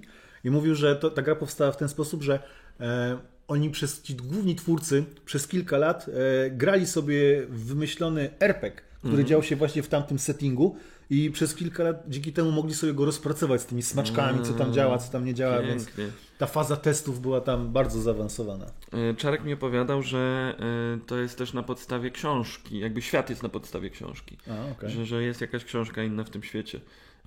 Dobra. I tylko chyba, że nie, nie jest przetłumaczona w ogóle na Tak, język to mógł mnie ten programista okłamać, bo teraz No. się zastanawiam. Może Znaczy, nie, no, jeżeli że- grali w RPG, to na pewno ten RPG był też na podstawie czegoś, tak mi się wydaje. A, okej. E, Albo podsta- na podstawie RPG napisali książkę, takie rzeczy też się zdarzają. Nie? Mhm. E, No w każdym razie to, co jest istotne w grze, to e, budzisz się po prostu i nie wiesz, kim jesteś, bo... Znaczy wiesz, wiesz kim jesteś, jesteś alkoholikiem. Tak, jesteś człowiekiem śmieciem, takim srogim. Budzisz się w rozjebanym pokoju hotelowym, mega skacowany, niepełnie ubrany e, i nie wiesz o sobie nic, nie wiesz nic o świecie i no, zaczynasz od zera, więc Tak. musisz odkrywać e, te, te rzeczy. Natomiast to, co jest najciekawsze i czego się nie spotkałem za bardzo z czymś takim w żadnej innej grze, to poza tym, że odkrywasz świat, to odkrywasz też siebie, bo jesteś czystą kartą. E, Są jakieś tylko przebłyski twojej przeszłości i musisz rozkminić właśnie, gdzie stoisz ideologicznie. E, Y, Gdzie stoisz ideologicznie, e, jaki jest twój stosunek do bardzo wielu rzeczy, czy, na przykład co jest twoim głównym drive'em, czy to jest taki czysty hedonizm, czy jednak bardziej zależy ci na tym, żeby na świecie było lepiej, albo a może jesteś takim właśnie e, człowiek, prorokiem zagłady, tak, który głosi, że już nic nie ma sensu, takim nihilistą. Tam są chyba cztery główne kierunki ideologiczne Mhm. do, do eksploatowania, czyli jest komunizm, Tak, e, wolnorynkowość tak, jest. e, faszyzm, Fa- tak, e, E, i e, moralizm. tak. Taki. Ten moralizm to jest taka tak, taka trochę, demokracja. trochę taka hadecja, o, coś Tak, tak, coś takiego centralnego mocno. Tak, E, tak. I, I to też y, bardzo mi się podoba, że tam nie ma słusznych kierunków i nieważne w co się zaangażujesz, to czeka cię sroga beka. Tak, tak, o rany, jak tam, y, ja, jak, bo nie miałem, bo ja tylko raz grałem, nie miałem jeszcze się odwagi tam zagłębić tam te opcje faszystowskie, ale to jak one są podane, to jest, bo to jest, pod, w sensie, on jest absurdalny, ale jest tam próba intelektualnej podbudowy tego faszyzmu, że te, że te postacie, one nie są po prostu takimi tam, nie wiem, kalkami, które po prostu tam chodzą i mówią, że tam, no, jebać tych i tych, tylko te postaci próbują sobie to tak intelektualizować. Tak, tam jest y, przecież te, y, jeżeli chcesz wejść do tej y, Do portu tam? fabryki, tam, Tak. tam y, gdzie, gdzie jest strajk, to musisz przejść przez takiego odźwiernego, który jest takim wielkim koksem i faszystą. Tak, miarogło, miarkogłowy czy Tak. coś takiego. I są dwa wejścia, dwa sposoby wejścia tam do tego portu. Tym wejściem. Mhm. Albo trzeba go pokonać, co jest praktycznie niemożliwe, bo ty jesteś Alkusem, a on jest kurde yy, Wielkim, dbającym koksem. o siebie ideologicznie koksem. Tak. E, Albo wygrać z nim dyskutę na, dy, dysputę na temat faszyzmu, Tak. e, co też jest bardzo trudne. E, I on cię cały czas ciśnie właśnie. Tak, tak, tak. On jest rasistowski, ale jakby to jest odwrócony rasizm. Chociaż Tak. tam trudno powiedzieć, co jest odwróconym rasizmem, bo tam są inne rasy w ogóle, Tak. inne nacje, inne kontynenty. Więc no jakby Plus- chodzi tylko o ideologię, Tak, nie? plus on tam jeszcze ma takie mocne, to co, to te właśnie próbowy intelektualnego, intelektualnej podbudowy rasizmu, nie? że tam jest na przykład frenologiem, nie? I tam ci gada o kształcie czaszek, Tak, o tak, tym, tak, tak, tak. tak, W sensie argumenty, które były, przez, były serio podnoszone na początku tam XX wieku, albo przed jeszcze to. No bo ten świat Tak. trochę inaczej, mam wrażenie, tam właśnie popłynął i nie- nie wszystkie Tak. ideologie są spalone, nie? Tak, tak, tak, tak, tak. E, Znaczy inaczej, bo tam ta rewolucja komunistyczna też się nie udała, nie? Tak. Bo tam jest mowa o tym... Ale w e, tym świecie chyba nie było Hitlera. Tak, nie było... I, tak, tak, tak, i tak. to dużo zmienia, nie? Jakby Tak, Hitler mocno się przysłużył do tego, żeby już nie było faszyzmu. tak jakby A w tym świecie nie było Hitlera, więc no, jest to opcja, nie? Tak. W sensie te postaci tam nie, nie krygują się specjalnie z głoszeniem tego. Tak. E, ale był tam on się, Karl Mazow, tak? Który jest takim. Y, Marks taki, Tak, nie? połączenie Marksa i Lenina, bo on tam właśnie, on nie był tylko myślicielem, tylko że też napadał na pociągi. Tam Tak, też jest tak. właśnie to, że był e, człowiekiem czynu też. To Stalin trochę też, nie? Tak, Lenin, Stalin, tak. No tak, wszyscy, wszyscy w jednym worku. Tak, tak. No ja ci tak. powiem, że ja trochę poszedłem w faszyzm, ale to nieświadomie, ale tym bardziej mi się to... Jak wszyscy. E, Tym bardziej właśnie mi się to podoba. To bardzo, bardzo dobrze ta gra mi pokazała, że e, faszyzm nie jest decyzją, tylko to jest. E, To, to, to, to ciągnie za sobą kolejne opcje dialogowe i w pewnym momencie po prostu zdajesz sobie sprawę, o kurwa, czy ja nie jestem faszystą? Tak. Tam I jest. potem sprawdzam swoje statystyki i to są właśnie swastystyki. O Boże. Nie, ale naprawdę byłem, byłem trochę przestraszony. Tak, tam no, jest ja ci taka- opowiadałem o tej jednej sytuacji, że tam przy, przysłuchuję panią woźną y, i pojawiają się opcje dialogowe, gdy pytam o sąsiadów. Jedna z opcji brzmi, czy ci sąsiedzi nie są przypadkiem obcokrajowcami? Ja tak, Tak. Co to za pytanie? Ty chuju! tak. Tam jest genialna postać, która na polski została przetłumaczona jako kryptofaszysta Gary. O Boże. I on tam też cały czas Uwielbiam. wciska takie, Tak. takie teksty. Ale on, on nie wie, tak? To jest, to Tak. jest w nim najfajniejsze. Tak, tak, tak, o rany. I też, co mi się mega podobało w Disco Elysium, że tam też są te wątki okultu, też się pojawiają. I one są w dialogu, że możesz grać sobie postacią, która będzie mocno, jak rozwijasz sobie tą cechę wewnętrzne imperium. Ja dopiero potem skumałem, że to chodzi o to Lyncha, Inland Empire. Tak. Że taki właśnie udziwniacz, znajduje e, po, powiązania między bardzo losowymi rzeczami i do, do, dorabia im tam jakąś taką e, bardzo często magiczną interpretację. Tak. I tam też jest cały motyw tej klątwy, która ciąży nad jednym miejscem. Tak, Można. tak, tak. A potem się okazuje, że ta klątwa to kapitalizm po prostu. Też, też, ale A potem się okazuje, że nie do końca. tak, też, że tam, bo tam wchodzi w grę też y, to, że ten świat posługuje się mimo wszystko odmienną fizyką. Mhm. I tam bez w ogóle, czy na mi- mistycyzm popkulturowy niedawno na swoim fanpage'u zapostował wywiad z tłumaczem, jeden z tłumaczy Disco Elysium i bardzo ciekawe, polecam w ogóle. E, I on tam, bo jest tam e, bardzo ważny element tego świata, to jest coś, co na polski to przetłumaczono jako szarota. To się nazywa pale po angielsku. I ten mistycyzm popkulturowy, on, ten e, człowiek z tego bloga, e, czy tam fanpaya, proponował, żeby tłumaczyć to, to pale nie jako szarota, tylko jako blać, czy tam bleć, nie? I to jest w sumie fajna propozycja, tylko że tam właśnie ten tłumacz się tu, y, jakby bronił tym, że to jest za, za bardzo, za blisko tego rosyjskiego blać, nie? Że to byłoby, że to by tej poetyckości odjęło. Mhm. Albo dodało. Albo dodało, no, że to, bo to nie jest pozytywna rzecz, ta szarota. No nie, nie, to, to jakby jest y, fragment takiej postapokalipsy, y, apokalipsy, która się zbliża. Czy... Tak, tak, tak, No, no, to tak-. To jest taki dziwny świat, no ale to już to. Tak, ale jest o rany, polecam tą grę bardzo. Ja dawno, nie wiem, nie, na palcach jednej ręki mogę policzyć momenty, że przed kompem grając w grę się wzruszyłem. Mhm. Albo, że miałem taką, ten globus histerikus w gardle i tak urósł się czułem po prostu fizycznie źle. Mhm. To dużo bardzo ciekawych przeżyć emocjonalnych. Bardzo Disco Elysium, o rany. No i też dużo, dużo śmiechu. y, Tak, to, jest- To jest prześmieszna gra. O rany, tak. No, no, to, co trzeba na pewno powiedzieć, to y, budzicie się jako ten alkoholik, e, ale y, macie około chyba różnych trz- 30 czy 40 różnych głosów w głowie, Mm. e, które wam mówią e, różne rzeczy. Tak. I, i, I to są bardzo różne głosy. E, na przykład, jak się nazywał ten od narkotyków? Elektrochemia. Elektrochemia, O, o rozwinąłem to sobie. To jest był o Tomasz rany. Kwiatkowski. po Tak. To, tak, to tak. był Tomasz Kwiatkowski. Wewnętrznego je, jeżeli przechodzisz w grze koło osoby, która pali papierosa, to elektrochemia się odzywa, że musisz zapalić papierosa, albo pomyśl, jak fajnie byś wyglądał teraz paląc papierosa. Mhm. Jeżeli ktoś wspomni narkotyki, to od razu elektrochemia, uderz w stół. Tak, tak, tak, tak. Jest na przykład e, empatia, która pozwala ci połączyć się z niektórymi postaciami, ale przez to na przykład przestajesz widzieć pewne rzeczy. Dlatego ja tam rozwijałem właśnie bardziej tę empatię niż logikę i przez to to śledztwo mi szło trudniej. No i jest też krawat, który również O, do ciebie kurczę. gada. Tak, Krawat, twój krawat jest postacią w tej grze i ci podpowiada róż, różne zjebane pomysły. bardzo niedobre najczęściej. On jest, jest finał tego krawata jest, o kurczę, też jest, dobra, nie chcę już tam spoilować, ale, No, Tym bardziej, że ja nie doszedłem do tego krawata, Tak, bo też można tak. na różne sposoby ale z przejść. drugiej strony mnie rząd nie porwał, więc... No, mnie, mnie rząd porwał, tak. I tutaj rada od razu, nie, nie dajcie się porywać rządowi, bo e, znikniecie. tak, tak, tak, tak. O. No nieźle, kurczę. Znasz jeszcze takie gry? Jeśli chodzi.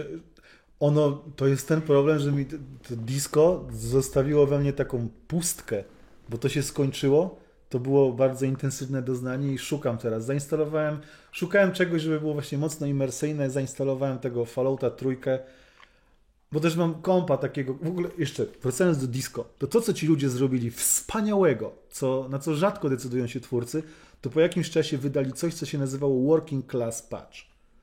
I to był downgrade e, wymagań graficznych i sprzętowych, żeby dało się na to, w to A. grać na laptopie z roboty. Zajebiste. I ja dzięki temu zagrałem w Disco Elysium i to jest, no to... Bo tam w ogóle ten motyw tego komunizmu, socjalizmu jest bardzo mocno rozwinięty. Nie widziałem jeszcze gry, która w tak e, dojrzały, a przy tym naprawdę zabawny i uczciwie intelektualnie sposób by to traktowała. Więc to między innymi w tym to widać, nie? że oni sobie nawet ten, ten downgrade nazywali Working Class Update, żeby byli bardziej dostępni. No zresztą mi się podoba, że po prostu tam jest, można poświęcić kilka godzin myśli na temat komunizmu i efekt myśli jest taki, no komunizm nie działa, zmarnowałeś ten czas, masz minusy do statystyk. Tak, tak, tak. O rany, tak. Tam jest też, można w ogóle, bo oni tam, a dobra, to jest spoiler, ale oni tam bardzo oni jawnie szydzą z takiego y, akademickiego komunizmu, z akademickiego socjalizmu, z tego właśnie takiego teoretycznego nurtu, który wspaniale wygląda, jest bardzo płodny do analiz, jako ramy analizy, ale właśnie w rzeczywistości to, to ciężko. No nic, no. Myślisz, że kto gra w takie gry poza nami? Czarek Jurkiewicz, bo to, to, to wiemy. Ale sporo, sporo moich znajomych, jak, tylko że dobra, no bo ja jestem w tej swojej banieczce facebookowej, no to tam mnie propsowali ludzie, że, że tak, że grali w to, e, że im się podobało, ale e, wydaje mi się, że odniosło sukces na świecie Disco Elysium, mm -hmm. że tam jednak dobrze im się to sprzedało. A czytałem, że oni byli tam parę razy na skraju takiego, nie wiem, czy tam pracowali jak przy Cyberpunku, czy Wiedźminie w non-stop w crunchu i tak dalej, ale tam bardzo długo im to zajęło. Zresztą w grze jest zaszyta taka historia e, grupy, która wydawała grę i tam przez to mm -hmm. prawie ich to zabiło. No i nie udało im się. Tak, no. tak, tak. Więc myślę, że to jest bardzo mocno insiderskie. Tak. No i właśnie też to, to była część tej zaginionej strefy handlowej. Mm, o kurczę. Czyli to też był pewnie kapitalizm, a może klątwa. A, tak, no. tak, tak, tak. A może po prostu czysta fizyka, nie? Która tam też oni to próbują tym tłumaczyć. Rany, tam jest taki quest, gdzie w pewnym momencie e, najwyżej postawiony działacz komunistyczny, szef związku zawodowego prosi cię o, e, o pomoc w zbudowaniu tam centrum dla młodzieży, nie? I okazuje się, że żeby zbudować to centrum dla młodzieży, musisz e, wysiedlić ludzi. Mhm. Tylko, że ci ludzie są w takiej zdegenerowanej miejscowości i tam sami wiodą żywot taki bardzo lichy, więc no, ten dylemat moralny się tam pojawia mhm. po prostu.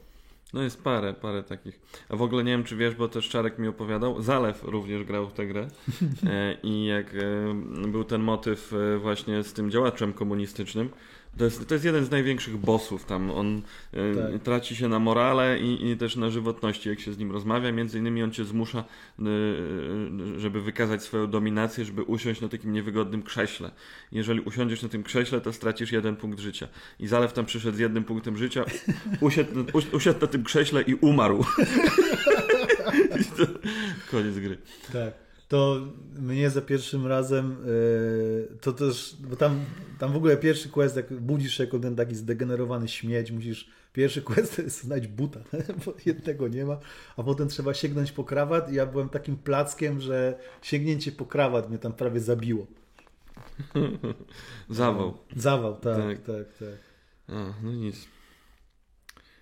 Kurczę, dużo tam jest takich naprawdę wspaniałych motywów. Dla mnie samo to, jako takiego powiedzmy lewaka, wykształciucha, nie? samo to, że zaczynam od tego, że dzieje się strajk i są łami strajki i ja już mnie tak po prostu szarpnęło za serce, że sprawa. tak, tak. No, to, to, to było bardzo nieoczywiste. Miałem duży problem właśnie z tym, po której stronie stanąć. Mhm. E, bo tam, no, no tak jak w życiu, tam, tam nie było prostych odpowiedzi, tylko ludzie. Tak, tak. I to to jest tam takie właśnie wspaniałe, że tam na pewnym etapie toczy się dyskurs stricte ideologiczny, nie? gdzie tam możesz sobie z postaciami dyskutować na poważne argumenty, które działają w idealnie sferycznej przestrzeni, a potem masz tego aplikację, nie? I że masz tam rzeczywiście socjalistów, którzy robią chujowe rzeczy, którzy mhm. decydują się na e, finansowanie w sposób bardzo kontrowersyjny, nie? Mm-hmm. I tam jakby są kolejne warstwy tego, które pokazują, jak te różne ideologie działają, e, jak wygląda ich aplikacja w rzeczywistości. I to jest, o kurczę, jak to jest przyjemne. Bardzo, bardzo polecam Disco Elysium. O, jeszcze z innej bańki, jak tak lubisz socjalistów. Hmm? e, widziałeś Króla? Jeszcze nie. Jeszcze nie, w ogóle muszę nadrobić twardo. Widziałem ze Szczepana Twardocha, widziałem tylko na YouTube, jak Szczepan Twardok strzela do Polaka. Polecam. Bardzo polecamy film Szczepan Twardok strzela do Polaka. Tak, koniecznie, koniecznie. 5 sekund. 5 sekund Najlepsze. E, brakuje tych 5 sekund w rozmowie o Szczepanu Twardochu. Tak, tak, tak. tak. E, natomiast e, serial na Kanal Plusie Król E, jest tam właśnie też bardzo fajnie pokazany ten konflikt ideologiczny, również bardzo aktualny po latach, e, no bo Akcja Króla to są lata 30. Międzywojnie. E, tak, i są jak najbardziej socjaliści. Jest tam Arek Jakubik jako właśnie taki kryminalista warszawski, kum kaplica, wzorowany na autentycznej postaci historycznej Tata Tasiemka. Był, mm -hmm. był taki gangus warszawski. I też był właśnie socjalistą, PPS-iarzem, i też jakby pomagał biednym, ale oczywiście też no, mordował i rabował i, i jak na socjalistę to mieszkał w trochę zbyt bogatym mieszkaniu, z trochę zbyt dużą ilością służby i jeździł kurde tak. Samochodem, jakiego nikt wtedy nie miał w Polsce. No, Karola Marksa utrzymywał Engels, który był bardzo majętnym człowiekiem i stać go było na to, żeby sobie utrzymywać swojego osobistego filozofa.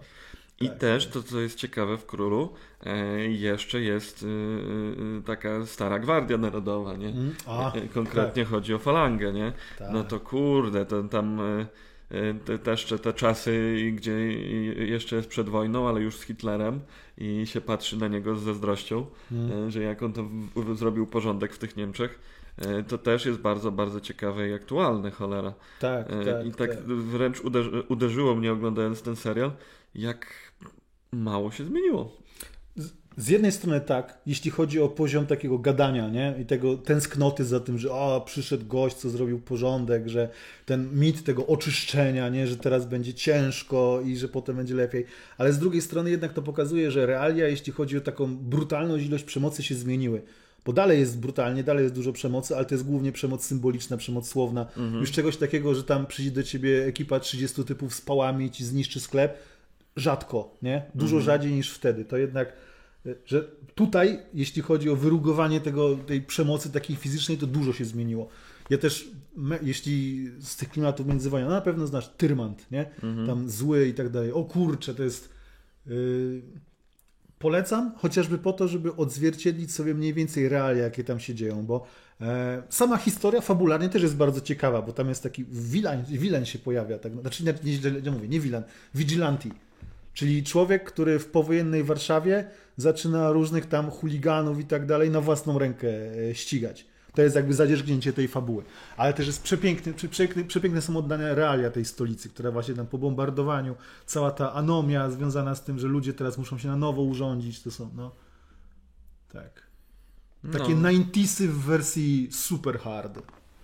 Czyli nie 90 Nie 90 tak, tak. To 90 to jest lightowa wersja, bardzo lightowa wersja tego, czym było tam ta Polska powojenna. -hmm. No tak, tak, tak. To, też była w zasadzie rewolucja, nie? Tak, tak. Budowanie od nowa na innych zasadach.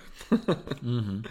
Totalnie. Ja też widziałem e, ten film o Tyrmandzie i tam jest piękna scena, jak e, udało mu się naszczać na nogawki pierwszego sekretarza, że są razem przypisuarze i Tyrmand tak widzi, że to jest szansa dla niego, to, to się nigdy więcej nie powtórzy i on nie patrzy, nie? Mhm. I, i, i, I tak skierował strubień na jego dogawkę i to jest, nam brakowało takiej muzyki po prostu podniosłej. Tak. Udało się tak. oszczać. Tak. Właśnie to, gdzie się dokonał postęp, moim zdaniem, taki naprawdę duży, to jest yy, poziom skomunikowania. Bo kiedyś trudno było ci zwyzywać tam, inaczej, żeby, nawet jak źle myślałeś o pierwszym sekretarzu, to była bardzo mała szansa, że go spotkać i będziesz miał szansę nawet mu to wywrzeszczeć, nie? A teraz możesz wejść na Twittera, znaleźć Wałęsę, napisać mu wszystko, co o nim myślisz mhm. i bardzo możliwe, że nie dość, że to przeczyta, to ci jeszcze odpowie. No stary, no Wałęsa na Facebooku to jest jeden z moich ulubionych profili. O kurde. No. Tam, tam się takie rzeczy odpierdalają. No, tak. ale umówmy się, ten koleś ma 80 lat tak. i on totalnie nie ogarnia technologii. Jezu, tak. On często wrzuca post y, nie do końca albo jakiś urwany i to w ogóle ma jakiś dziwny kontekst, a ludzie i tak to lajkują tysiącami i komentują. Tak. I wszyscy, o panie prezydencie, panie prezydencie, a tak. potem on to kasuje i wrzuca post, który ma zupełnie inny wydźwięk. Tak. Albo on tam wrzuca o tym, że kosmici zbudowali piramidy i że ciekawe. Tak, tak. O, no i swoje sto, stopy cukrzycowe też wrzuca. Ojejku. I tak, to Wałęsa tak, też tak. jest jedyną postacią w ogóle, że jak ludzie sobie robią z nim zdjęcie, to on je wrzuca to zdjęcie na Facebooka. To tak. jest fenomenalna ja sprawa. Czasami myślę sobie tak samolubnie, że jak dokonasz czegoś wielkiego, to powinniście, takiego epokowego, to powinniście jak Hanna Solo w Carbonit dać, żebyś nic już później, żebyś nie odbierał ludziom tego, żebyś nie był smutnym pomnikiem tego, czym kiedyś byłeś. I na ścianę powiesić tylko. Ojejku, tak, tak. Ojej, trzeba kończyć powoli. No, E, godzina 8, tak? Tak, bardzo, bardzo fajnie się gadało. E, super, ja, ja bardzo lubię poga- pogadać z, z kolegą Lewakiem. Tak, z przyjemnością. Dla sprawy. Do sprawy, tak. E, Jakbyśmy mieli teraz opcje dialogowe na zakończenie e, tej rozmowy, to jak myślisz, jakie by były? E, Byłoby po prostu, czy możesz mi jeszcze raz powiedzieć o tym ok- okultyzmie? E, czy ten. E, zaraz, zaraz. Kim jest, żeby to dyskolizm, to Mhm. poczekaj, kim jest Staszek Słodyczka? To, to można byłoby zrobić. Oraz e, co może sprawić, że lud pracujący znów wróci do... Nie, nie, że jak daleko jesteśmy od rewolucji klas. O tak. To Od jak, wojny klas. O rany, nawet to zjebałem. to jak daleko? Jak daleko? Jak najdalej, wydaje mi się. Bo... No inaczej. E, w... e, Disco Elysium. Posłużę się. Jeszcze raz o tym powiem. Chyba tytuł będzie ogólnie polecam Disco Elysium, ale e, mm, oni tam bardzo fajnie pokazują. Zresztą jak, y, czym się skończyła ta walka, do, reali- próba realizacji tej, tych postulatów marksistowskich, tak? Czy tam później zamienionych na Linow, leninowskie i tak dalej. Że to a w aplikacji są, idee są szczytne, ale aplikacja jest bardzo problematyczna, to wdrożenie tego w działanie, więc Mhm. No w ogóle jak z, większą, z większością ideologii. tak. No. Ale żeby jeszcze oddać sprawiedliwość, no to no o czym się nie mówi, no to PRL, który oczywiście był zbrodniczym, totalitarnym aparatem, niech on nie wraca, nie? Ale e, podziało się wtedy bardzo dużo bardzo ważnych cywilizacyjnie rzeczy. E, elektryfikacja, e, no, sa- sama elektryfikacja, zapew- poziom postępu higieny, edukacja społeczeństwa, likwidacja poziomu analfabetyzmu, Tak, tak, tak. to, że na, w tych miejscowościach były te biblioteki, to, że domy kultury zaczęły działać, to, że były te wycieczki zakładowe, te kolonie i tak dalej, tego nie było w drugiej RP. To było, druga RP to było straszne, k- na maksa klasistowskie, pełne gigantycznych różnic państwo, gdzie prostym ludziom żyło się zdecydowanie gorzej niż w trakcie PRL-u. Czyli za komuny było lepiej. Nie, ale oni. To nie, w sensie nie jest to tak. No wiadomo, no nie ma, nie ma prostych odpowiedzi. Nie ma prostych odpowiedzi. Tam się, tam się Był, też był to podział- etap rozwoju Tak, kraju. bardzo intensywny. No. I w wielu momentach bardzo chybiony, ale nie da się. Tam, to, tam nie było tylko złych rzeczy. To nie jest aż tak proste, że po prostu byli tam źli komuniści, którzy e, tam planowali zniszczyć Polskę. Nie, Mhm. nie, nie. Nie, w ogóle moim zdaniem strasznie trudno jest wyciąć nagle e, komunistów z tego kraju, bo e, jakby oni tu dalej są, nie? Jakby to Tak. e, w nas żyją ludzie. Mam wrażenie, że no, szczególnie jak się wyjedzie gdzieś za granicę i wróci do Polski, no to e, widać tę mentalność PRL-owską. Jest Tak. już 30 lat później, ale to, to, to dalej jest coś takiego, nie? Że coś, jak coś nie jest przy, przy, przywiercone w ogóle do podłogi, no to, to znaczy, że jest wszystko. Tak, tak, tak. Ale nawet, bo e, jest całe, jedna z gigantycznych zdobyczy, zasług, nie wiem, to co się działo w trakcie PRL-u, bloki z wielkiej płyty. Mhm. To miało żywotność obliczoną na jakieś 50 lat. Nie? Mhm. Większość z nich, ta żywotność, która była początkowo obliczona, już się skończyła. I teraz tak naprawdę nie wiadomo, ile one jeszcze wytrwają. Czyli nastąpi taki moment, że tfu, tfu, będzie pierwsza wielka katastrofa budowlana z bloków wielkiej płyty i okaże się, Że, że, wszystkie trzeba będzie że. 3 czwarte Polski jest do zbudowania na nowo. Przecież są miasta typu, nie wiem, Kołożarek jest Myszków, który jest cały z wielkiej płyty, czy tam różnych tych, tego typu konstrukcji. Przecież tam Myszków zniknie. Nie? To jest w ogóle pomysł na dobry setting, do, że Polska, która nagle y, 3 czwarte ludności straciło domy, bo nie wolno już mieszkać w wielkiej płycie, trzeba to rozebrać, bo grozi katastrofa budowlana. No, to jest y, pomysł na polski horror. Tak.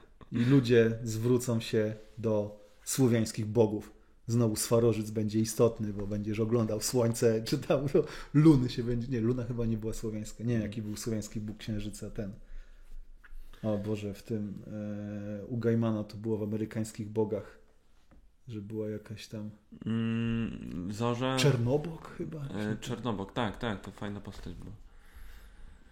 Dobra, idziemy w dygresję Dobra. mocno. E, e, Podsumowanie. e, Dziękuję Ci, Krzysiu, świetnie się z Tobą gadało. A ja również dziękuję za zaproszenie tam. Za, przepraszam za wszystko, co powiedziałem. Na pewno coś przekręciłem. Na bank jakaś data się nie zgadza i kogoś pominąłem. Jakby Nie, niespecjalnie. Bardzo miło. Mi również. Do zobaczenia, mam nadzieję, w Comedy Labie. Albo gdzieś jeszcze po drodze. W jakimś innym, fajnym, niszowym, fajnym miejscu. Dziękuję. Dzięki.